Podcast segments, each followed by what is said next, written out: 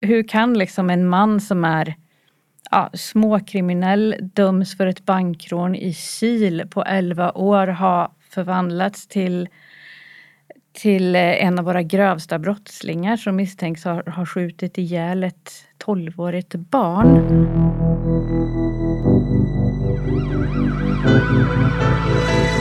Tidigare Karlstadbo i rätten för mordet på Adriana. Missade förhandlingar och tillbakadragen dom. Kaotiskt läge på tingsrätten i Värmland. Jag heter Caroline Englund och du lyssnar på NVT Krim, en podd om värmländska brott. Och I den här podden tar jag och NVTs reporter Åsa Asplid med dig som lyssnar bakom kulisserna i Värmlands undre värld. Det här är en podd om kriminalitet och brott, men också om människoöden. Vi har haft ett lite längre uppehåll sen sist, eh, men nu är vi tillbaka. Däremot så är ju Nicole fortfarande på höstsemester, så vi får klara oss utan henne den här veckan. Och Åsa, du har ju ägnat väldigt mycket tid åt att grotta ner dig i den enorma förundersökningen som handlar om mordet på den 12-åriga Adriana eh, i Stockholmsförorten Norsborg för två år sedan. Eh, varför är det här intressant ur ett värmländskt perspektiv? En av de tre männen som nu står åtalade för mordet kommer ju ifrån Karlstad, eller bodde här tidigare ska vi säga. Han har gått i skolan, eh, både högstadie och gymnasiet, läste naturvetenskapligt program på Sundsta Älvkulle gymnasiet. Och det var även här som han påbörjade sin brottsliga bana. Så att det finns ju ganska många människor i Karlstad som, som vet vem den här mannen är och, och har känt honom och umgåtts med honom. Och du har ju pratat med folk som kände honom på den tiden han bodde i Karlstad. Vad, vad säger de? Ja, vi har ju ringt runt och, och pratat lite grann och där eh, framträder ju en bild av en, en person som beskrivs som ganska smart, duktig i skolan, eh, trevlig eh, men som ska halkat in på fel bana då. Han är ju dömd för, för flera mindre brott till att börja med. Det handlar om någon grov misshandel, krogmisshandel helt enkelt och, och, sedan så har det blivit allvarligare saker.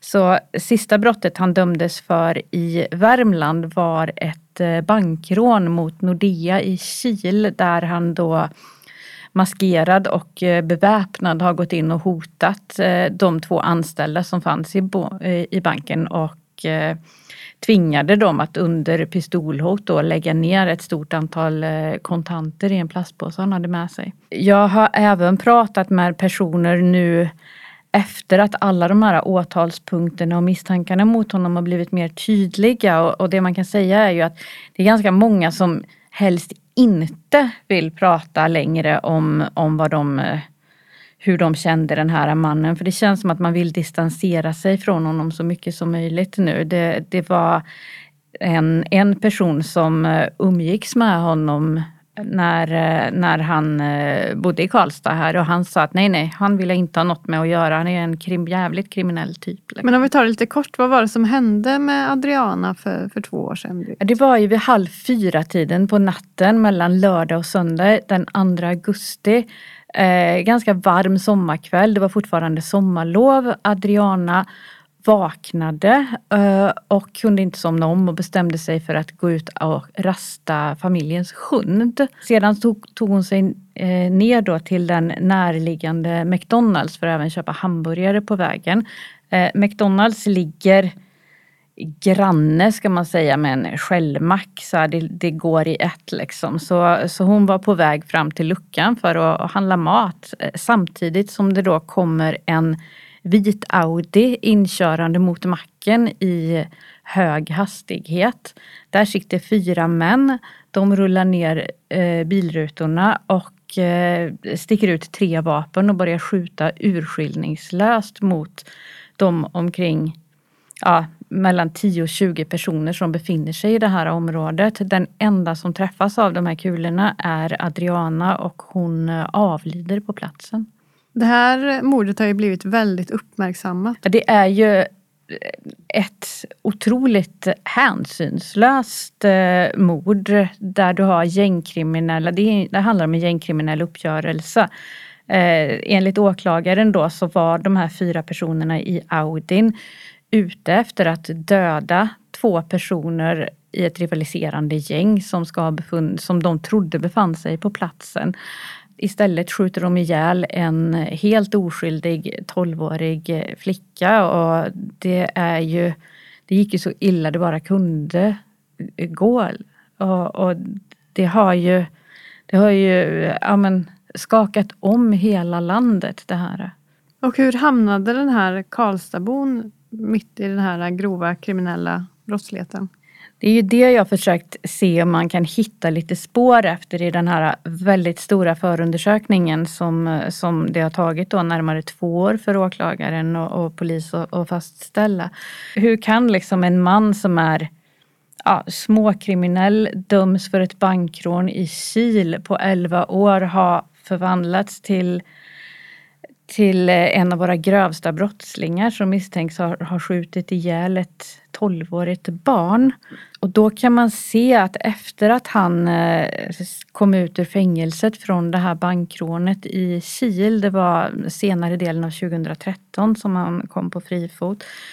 Då har han eh, börjat umgås med en eh, man från norra Stockholm som något år eller två senare pekades ut som gängledare för kriminella gänget Headshot-ligan som har Eh, varit baserat i, eh, i Stockholmsförorten Tensta.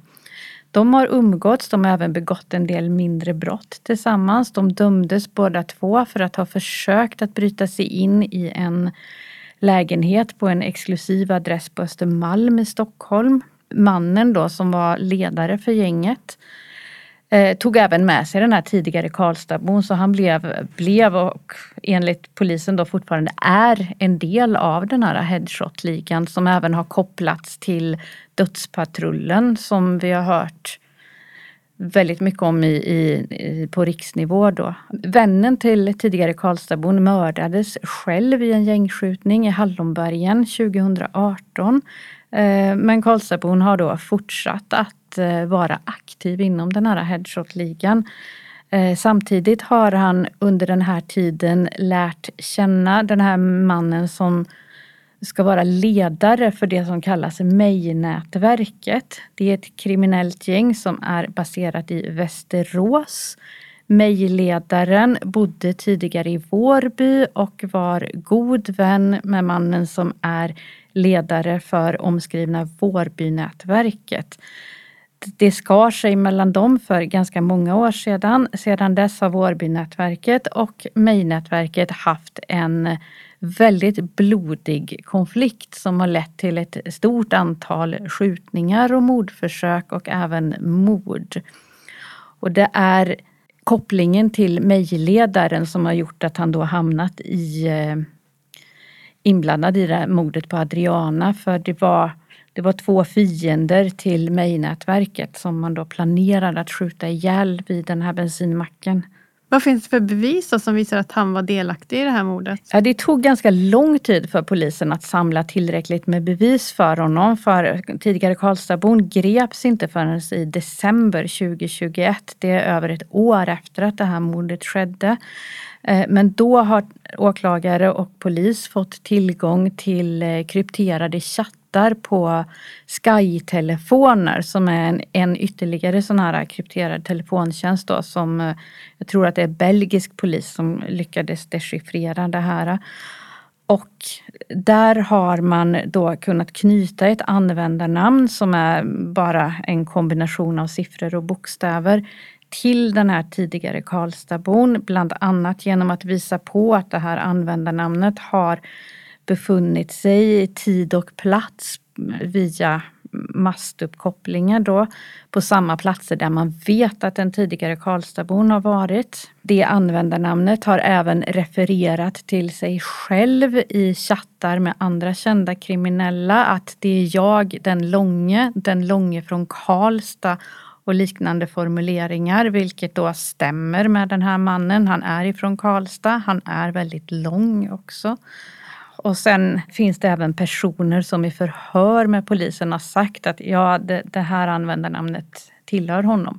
I chattarna sen har man då kunnat, eh, kunnat läsa hur den här användaren har har eh, skrivit meddelanden som går ut på allt ifrån eh, drogförsäljning till, eh, till att man då har diskuterat mordplaner och, och just den här aktuella natten då hur man då ska ja, fixa fram tabbar som är vapen om man ska åka och göra en cleavage, vilket är gangsterslang för att åka och skjuta någon och liknande. Vad vet vi om vad den tidigare Karlstadbon gjorde dagarna innan och efter mordet på Adriana? Ja, eh, precis innan så har han ju varit, dels så kan man ju se i chattar hur han deltar i de här konversationerna där man planerar att mörda de här två måltavlorna som man trodde befann sig på platsen. Eh, man har fått fått, eh, man har fått information om att de ska vara på en viss plats. Eh, där, eh, därefter så har man då kunnat se att den här användaren verkar ha köpt en mindre mängd kokain från en känd narkotikahandlare. Skriver själv att han har tagit laddish. Det är inte ovanligt att personer som utför den här typen av gängkriminella Eh, skjutningar är drogpåverkade för det trubbar av sinnena lite grann så det blir lättare att genomföra de här väldigt våldsamma handlingarna. Eh, därefter har man även kunnat se hur han har eh, eller hur den här användaren då har rört sig upp mot ett garage i Sollentuna där den här vita Audin som användes vid mordet har stått parkerad. Efteråt så har man, eh, bara några timmar efter mordet, så har tidigare Karlstadbon i chattar då skrivit till någon person och frågat hur man kan göra sig av med en Sky-telefon, om det går att tömma telefonen på information om mastuppkopplingar och dylikt. Eh, därefter har han skaffat sig en ny Sky-telefon men användarnamnet är, eh, har hela tiden varit samma. Därför har polisen kunnat fortsätta följa eh, chattarna då, trots att det är en ny telefon. Eh, där har man även kunnat se att han eh, ett par veckor efter mordet har sålt en väldigt exklusiv Rolex-klocka för närmare 400 000 kronor tror man att han har fått in för den. Pengar som han har använt som eh, handpenning vid eh, köp av en bostadsrätt i, i Stockholm. Han har även åkt till Spanien vid ett par tillfällen, vilket man då misstänker kan ha koppling till eh, drogaffärer då det är mycket narkotikahandlare som befinner sig där. Sedan i februari 2021 tror jag, då gjorde han sig av med Sky-telefonen och det var ungefär där som det blev känt att polisen hade lyckats infiltrera det här nätverket och kunna läsa sms. Nu pågår ju rättegången vid Södertörns tingsrätt eh, och eh, där kommer ett avgörande vittne att höras som var tidigare god vän till den här tidigare Karlstadbon. Vad handlar det här om? Det rör ju också för det första någonting som den här tidigare Karlstadbon gjorde dagarna efter mordet på Adriana. Han har försökt göra sig av med de tre vapen som användes vid mordet. Det rör sig om en Kalashnikov, en k-pist av märket Skorpion och en revolver. Och polisen har då kunnat se hur Karlstadbon träffar den här vännen och har möten och i chattar så skriver de då om Kalle, en skorre och en revolver. Det är slanguttryck för Kalashnikov och skorpion. Ehm, det här är en vän som, som han eh, är väldigt nära kompis med. De lärde känna varandra under en tid i fängelset och ha, hade sommaren 2020 så umgicks de väldigt mycket. Vännen berättar att de brukade träffas några gånger i veckan. Eh, ofta åt lunch tillsammans, åt middag, var ute och festade tillsammans och så här. Och vännen, ehm, ja, vännen beskriver att han gillade den här tidigare Karlstadbon väldigt mycket. Då. De kom bra överens. Eh, så när han fick frågan om att eh, forsla bort de här tre vapnen så, så sa han ja utan att ställa närmare frågor om vad det handlade om. Vännen blev eh, gripen av polisen i våras. Jag tror att det var februari-mars där någon gång. Och får frågor om hela den här vapenhandeln dem emellan då. Och det är först då som han förstår att han eh, har blivit indragen i eh, den utredningen som rör mordet på Adriana. Och när han inser det, då blir vännen otroligt illa berörd. Han förklarar i förhör med polisen att hade han vetat att de här vapnen var de vapen som användes vid mordet på den lilla flickan så hade han aldrig tagit i dem med tång. Han eh, säger att det vänder sig i magen på honom när han förstår att han är misstänkt i den här utredningen. Ehm, och sedan så efter ett par veckor i häkte så eh, bestämmer sig vännen helt enkelt för att han ska prata med polisen. Han skriver ett brev till åklagaren där han förklarar att han vill bli kronvittne för att eh, berätta allt om den tidigare Karlstadbon och hans eh, vänner så att de ska få livstidsfängelse. Eh, kronvittne är ingenting som finns i Sverige idag. Det är antagligen någonting han har hört om i, i filmer eller tv-serier eller något skulle jag gissa på. Ehm, men däremot så, så är det ju väldigt ovanligt att människor i den här eh, gängkriminella miljön väljer att prata med polisen. Men han, eh, han eh, har lagt alla korten på bordet och förklarat vad, hur hela den här delen som rör vapenbortförseln skedde och han har berättat om hur han lärde känna den tidigare Karlstadbon, den tidigare Karlstadsbon kopplingar till den här headshot-ligan. Det är väldigt mycket information som kommer ifrån honom och hans, eh, hans mål är ju att, att de här personerna ska straffas rejält för att han eh, han eh, tycker att det här mordet på Adriana är, är helt oförlåtligt. Det, det liksom går inte att, att ursäkta på något vis. Vad händer nu då? Ja, nu pågår ju rättegången i Södertörns eh, tingsrätt för fullt. Den, eh, den började 24 oktober. Eh, den kommer pågå eh, fram till 19 januari. Det är, det är ju inte enbart mordet på Adriana den rör utan det finns ju ett stort antal andra åtalspunkter. Det rör, det rör ju dels även mordförsök på de övriga personer som befann sig på platsen men inte träffades av kulor. Jag tror att det är 16 fall av mordförsök de här tre männen är åtalade för. Det handlar även om förberedelse till mord i och med att man har planerat att mörda personer. Det handlar om ett grovt vapenbrott som tidigare Karlstadbon är misstänkt för i och med att han såg till att föra undan de här tre vapnen. Ehm, och sen är det ytterligare några punkter. Ehm, det är ju inte osannolikt att det här kanske även kommer dra ut på tiden så den, eh, den är möjligt att den håller på fram till februari också. Det har varit kaos på tingsrätten i Värmland där det har skett ett flertal missar de senaste veckorna. Samtidigt som ett stort antal personer som är verksamma inom det värmländska rättsväsendet riktar kritik mot domstolen. Åsa, du har ju skrivit en hel del om det här. Vad är det som har hänt? Ja, det började med eh, uppgifter som kom från en eh, tipsare om att en eh, man som suttit häktad en längre tid misstänkt för våldtäkt mot barn plötsligt hade försatts på fri fot. Eh, en, ja, torsdag morgon för två veckor sedan ungefär. Och att eh, det hade skett så på grund av att tingsrätten hade gjort en miss. Eh, det här lät ju helt osannolikt att det skulle vara så men, men jag började kolla på saken och det visade sig ju att det var det som var fallet. Anledningen till detta var att tingsrätten är enligt rättegångsbalken tvungen att hålla omhäktningsförhandling var fjortonde dag. Alternativt undersöka att det inte är uppenbart att så inte behövs. I det här fallet hade man inte gjort någonting. Man hade förlängt åtalstiden med 18 dagar och tyckte att det var eh, det är alla överens om att så ska det vara. Eh, försvararen till den här misstänkte mannen eh, valde dock att överklaga det beslutet efter 14 dagar då ingen förhandling hade hållits eh, till hovrätten. Och, eh, hovrätten eh, kollade igenom vad som hade hänt, kunde konstatera att tingsrätten har inte gjort någonting. Eh, alltså har de inte följt det som står i, i lagen.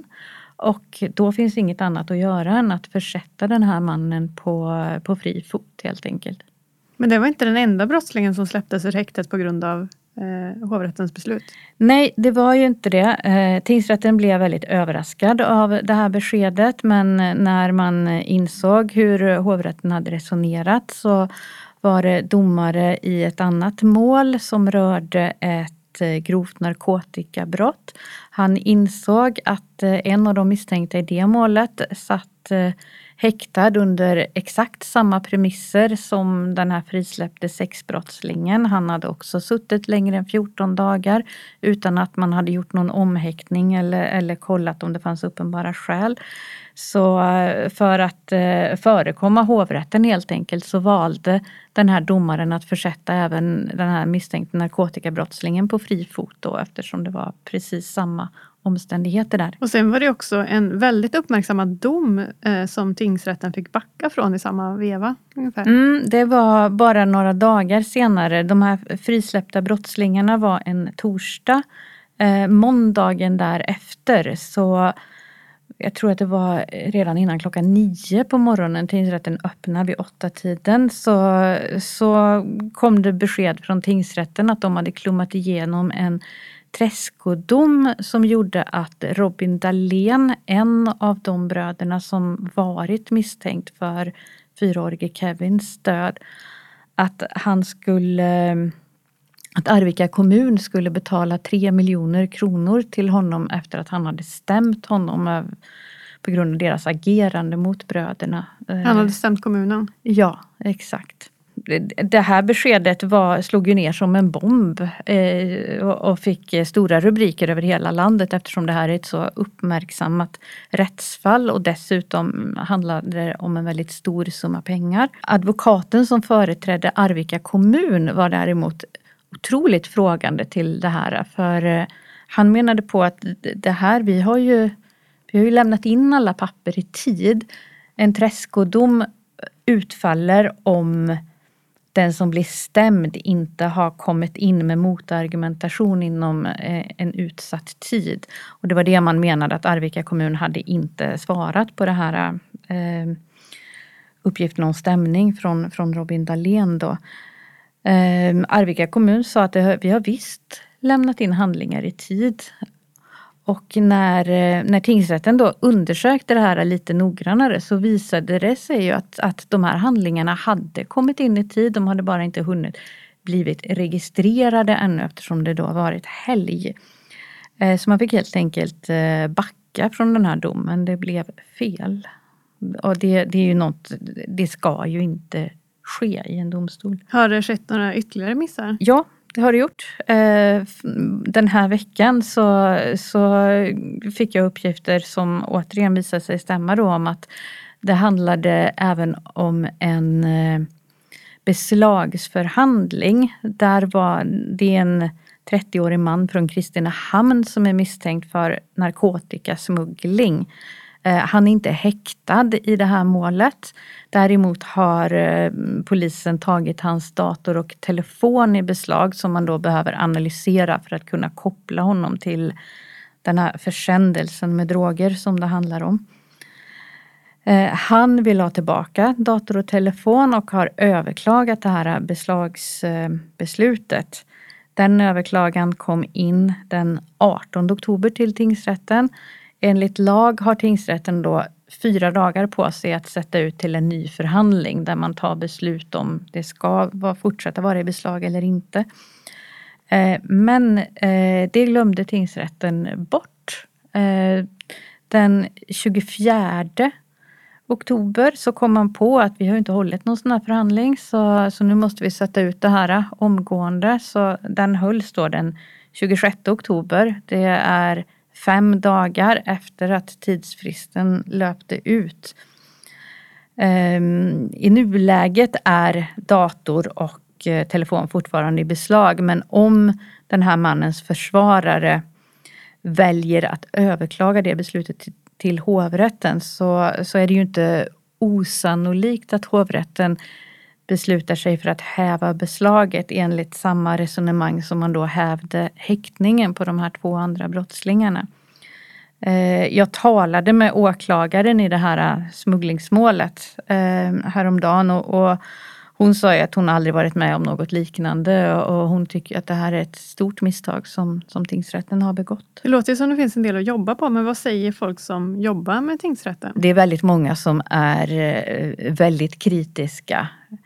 Eh, jag har pratat med eh, med ett stort antal människor som jobbar inom rättsväsendet i Värmland och eh, en av dem beskrev Värmlands tingsrätt som den sämsta tingsrätt han någonsin varit i kontakt med. Andra är lite mera förlåtande i sina synsätt men samtliga menar ju på att det finns stora problem. Det handlar dels om att man får handlingar alldeles för sent.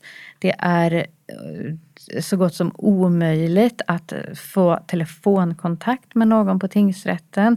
Det är mycket nyanställd och oerfaren personal som inte riktigt vet hur de ska hantera flera frågor. Eh, åklagare har även förklarat att de väldigt ofta blir uppringda av tingsrättspersonal som frågar åklagarna då hur de, hur de ska göra i, i saker som eh, som normalt sett bara ska flyta på utan att eh, det blir någon stor, stor grej utav det. Så att eh, det finns det finns väldigt mycket problem där och det, det, har ju även visat sig. Det finns ett ärende på Arbetsmiljöverket också som gäller Värmlands tingsrätt. Det hör inte till vanligheterna. Där, eh, där väldigt många eh, personal på tingsrätten har vittnat om att de känner sig som att de blir kränkta på arbetsplatsen, att det har varit mobbning. Eh, mycket av det här ska, ska ha varit knutet till, eh, till eh, ett fåtal personer i ledningen då som man eh, menar inte, inte behandlar personalen eh, som de ska. Men, men det här är ett pågående ärende helt enkelt. Vi har också pratat med lagman Lars Holmgård som är chef över Värmlands tingsrätt. Vad säger han? Han medger att det har, att det har skett vissa misstag. Den här Träskodomen som skickades ut eh, var ju uppenbarligen fel och, och det kan man inte säga mer om saken. Eh, den här förhandlingen som gällde beslaget av datorn och telefon. Det är väldigt svart på vitt där att den har skett för sent så det medger han att där har det också blivit fel. Sedan när det gäller de här två försatta brottslingarna som har försatts på fri fot. Där anser han inte att det är rätt att kalla det för en miss av Värmlands tingsrätt. För han menar att så som de har agerat, det är praxis. Så gör man på samtliga tingsrätter runt om i landet. Han tycker snarare att det är hovrättens resonemang som är felaktigt. Eh, däremot så eh, så säger han ju att de har mycket nyanställd personal men eh, han eh, anser inte att, att de är så dåliga som många av dem jag har pratat med säger att de är utan han menar på att vi gör vårt bästa för att utbilda vår personal och han tycker att de är, är på god väg att göra det och att eh, tingsrätten fungerar så bra den kan utifrån de förutsättningar som finns i nuläget. Då går vi vidare till veckans dom som rör serievåldtäktsmannen Marcus Halvorsson som vi har pratat om flera gånger tidigare i podden. Vad hände där? Ja, det är hovrätten som har meddelat sin dom nu. Han, eh, Marcus Halvorsson dömdes ju till fyra och ett halvt års fängelse i tingsrätten i somras för nio våldtäkter, en oaktsam våldtäkt och eh, några fall eh, av köp av sexuell tjänst och två bedrägerier. Eh, Marcus har erkänt eh, sexköpen och bedrägerierna men har hela tiden nekat till eh, våldtäkter.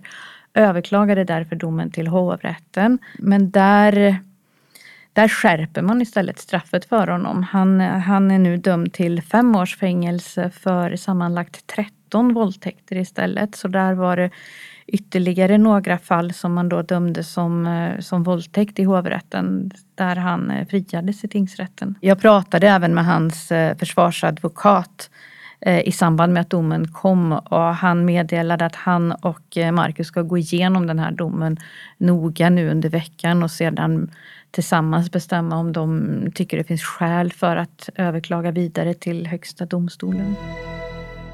Och det var allt för oss. Tack så mycket för att du har lyssnat och glöm inte att gå in och prenumerera på den här podden så att du inte missar nästa avsnitt. Och tipsa också gärna en kompis om att vi finns. Och vill du diskutera podden eller komma med tips på vad vi ska prata om så får du jättegärna eh, gå med i vår Facebookgrupp NVT Krim. Jag heter Caroline Englund och du har också lyssnat på NVTs krimreporter Åsa Asplid. Eh, klipper podden och eh, står även för ljud och jinglar gör Karl Edlom och ansvarig utgivare är Mikael Ropsten.